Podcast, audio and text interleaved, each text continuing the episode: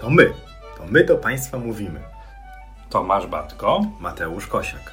My jesteśmy lekarzami, twórcami portalu eduson.pl I postanowiliśmy trochę urozmaicić portal eduson.pl i zamieścić na nim podcasty.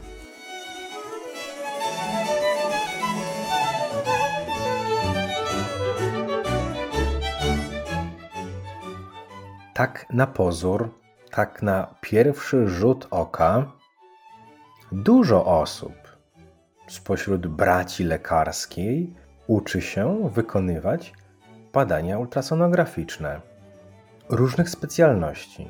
Bardzo często uczą się te badania wykonywać osoby, które nie miały ultrasonografii praktycznej w ramach czy studiów, czy swojej podstawowej lekarskiej specjalizacji. No tak, coraz więcej osób jest zainteresowanych tych, tym, żeby uczyć się tej ultrasonografii. I to nie tyczy tylko tych najmłodszych osób. O tym niejednokrotnie rozmawialiśmy ze sobą, że bardzo duża grupa bardzo doświadczonych i zawodowo, i wiekiem lekarzy chce podjąć się nauki ultrasonografii i próbuje się jej uczyć. Modyfikowane też są programy niektórych specjalizacji, tak, aby ultrasonografia nie tylko polegała na umiejętności interpretowania wyniku, ale także na umiejętności wykonania podstawowych badań czy elementów badań no, związanych z problemami danej specjalizacji. Ale zauważ, że mimo tego, że olbrzymia grupa naszych kolegów po fachu chwyta po głowicę choćby raz w życiu na jakimkolwiek krótszym bądź dłuższym kursie, który ma nas nauczyć ultrasonografii, ale tak naprawdę to rzeczywiście niewielu na co dzień wykorzystuje to badanie w swojej codziennej praktyce. I nie chodzi nam tylko i wyłącznie o to, że niewielu z nas wykonuje badanie w taki sposób, że zaprasza pacjenta na badanie ultrasonograficzne, które kończy się wydaniem pełnego wyniku, ale też mamy na myśli tych lekarzy, którzy próbują wykonywać to badanie w stylu point of care, czyli uzupełniając swoje kliniczne badanie pacjenta. Bo jest pewna grupa naszych koleżanek i kolegów, którzy zapisują się na kurs, jadą na kurs, uczestniczą w tym kursie, wracają z tego kursu i często na tym ich przygoda z ultrasonografią się kończy. I teraz pytanie jest takie, czy te osoby przed kursem były sonoentuzjastami, a ten kurs był na tyle nieciekawy, żeby nie powiedzieć denny, że stwierdzili, że ich entuzjazm był zbyt pochopny? Pierwsza wersja. Czy druga wersja, mają sonoentuzjazm na początku, mają sonoentuzjazm na końcu, ale jak wracają, to okazuje się, że jak śpiewał Grzegorz Markowski, proza życia to przyjaźni kat. E, jeszcze jest kilka innych wersji, wśród których na pozór trzeba wziąć pod uwagę bardzo ważną wersję, że wielu z nas wyjeżdża na taki kurs, żeby odpocząć, wcale nie planując nauczyć się ultrasonografii, czy nie planując w przyszłości wykorzystywać ten typ badania w swojej codziennej praktyce. Oczywiście. Ja, ja grupa, myślę, że ta trzecia grupa zmniejsza się ostatnimi nie, czasy. Ale ja ci powiem, że to, to nie jest zła grupa.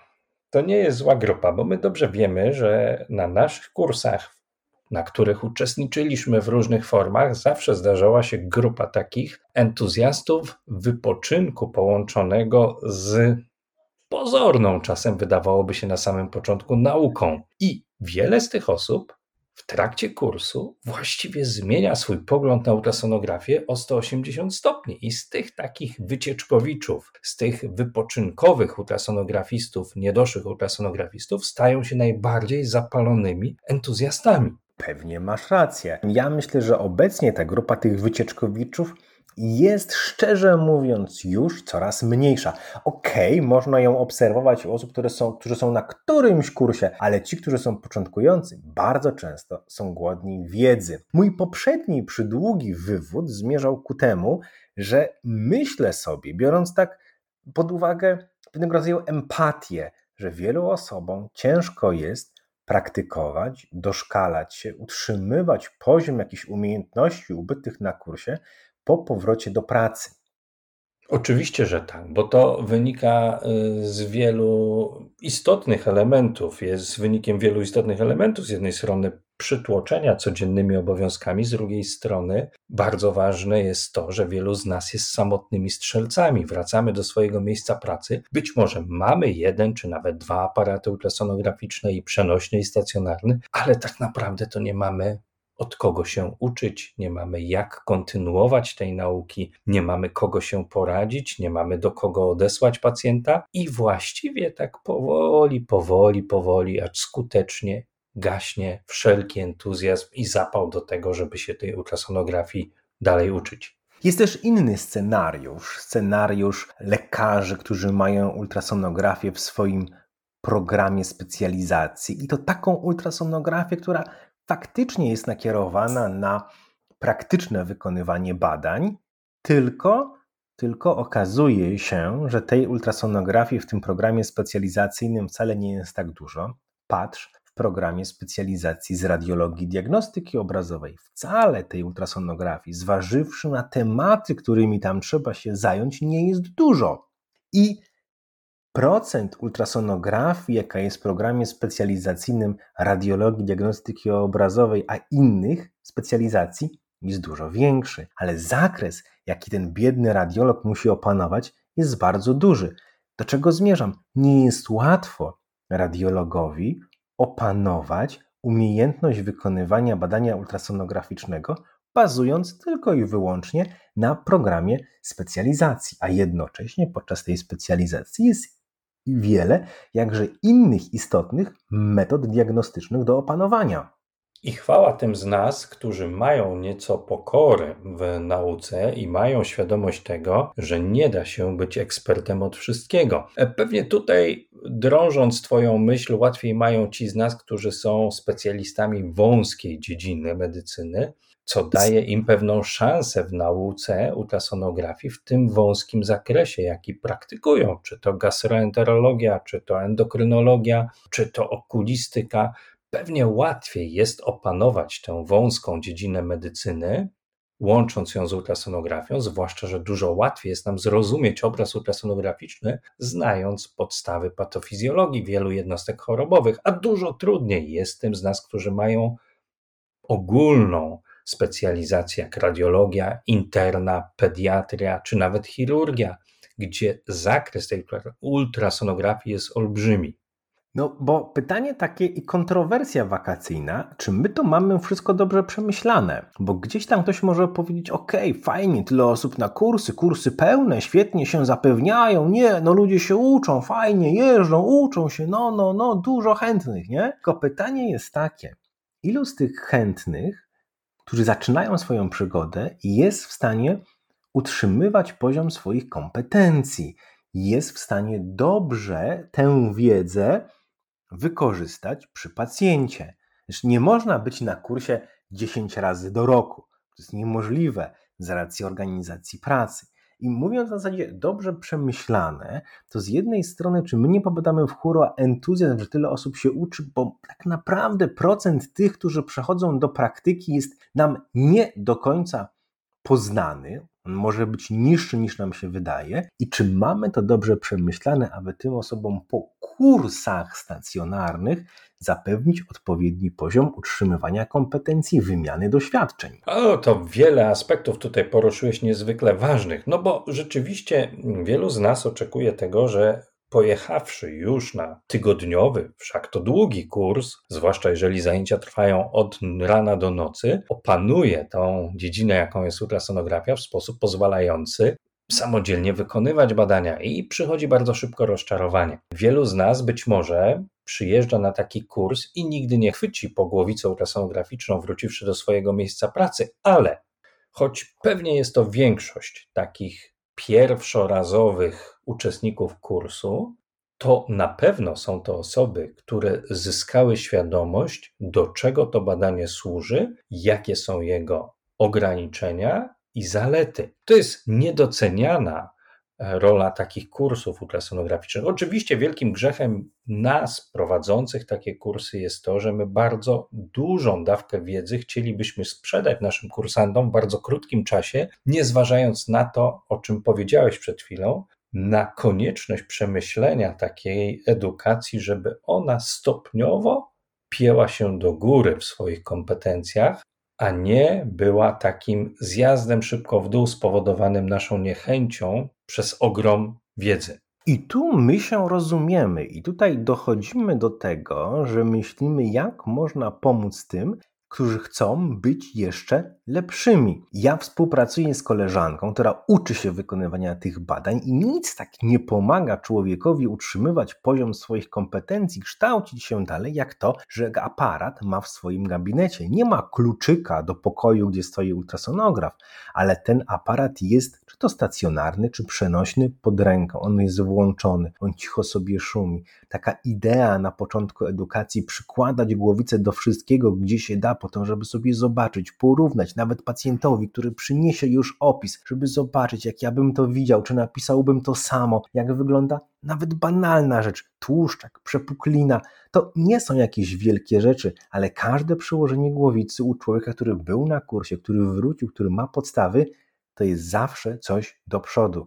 Nie pozwólmy tej krzywej naszych umiejętności osiągnąć zbyt szybko plateau. Pracujmy nad tym, żeby ta krzywa pieła się do góry.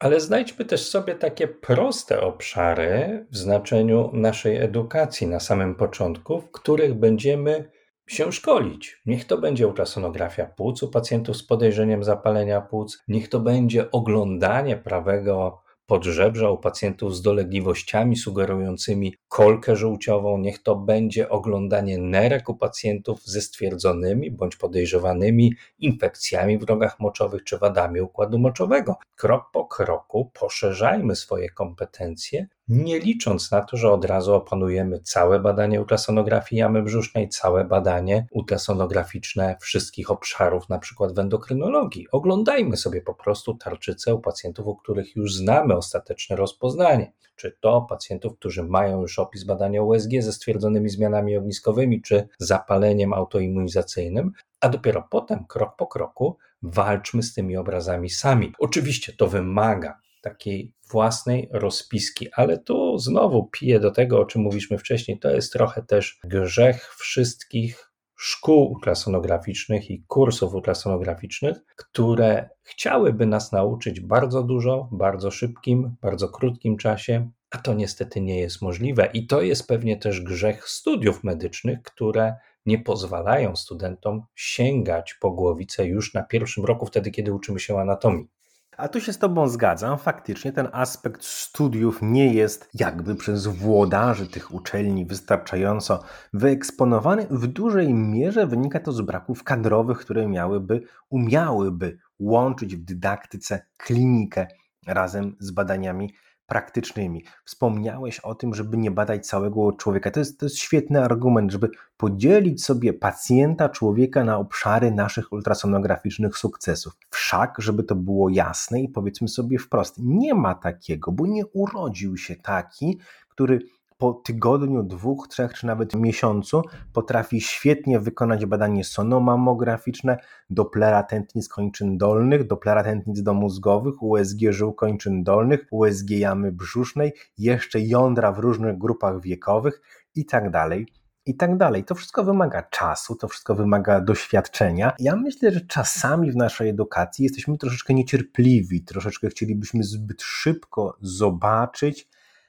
siebie w roli tych, którzy są masterami. Można stać się szybko masterami w pewnych obszarach ciała, ale to, żeby przychodzić na inne lokalizacje, wymaga więcej czasu. Dajmy sobie tego czasu i nie bójmy się porażki, nie bójmy się tego, że nie wiemy. Próbujmy, weryfikujmy, nie podejmujmy zbyt pochopnie decyzji na podstawie naszego małego ultrasonograficznego doświadczenia, ale weryfikujmy to, co my znaleźliśmy z kimś bardziej doświadczonym, czy z opisem wcześniej wykonanego badania ultrasonograficznego.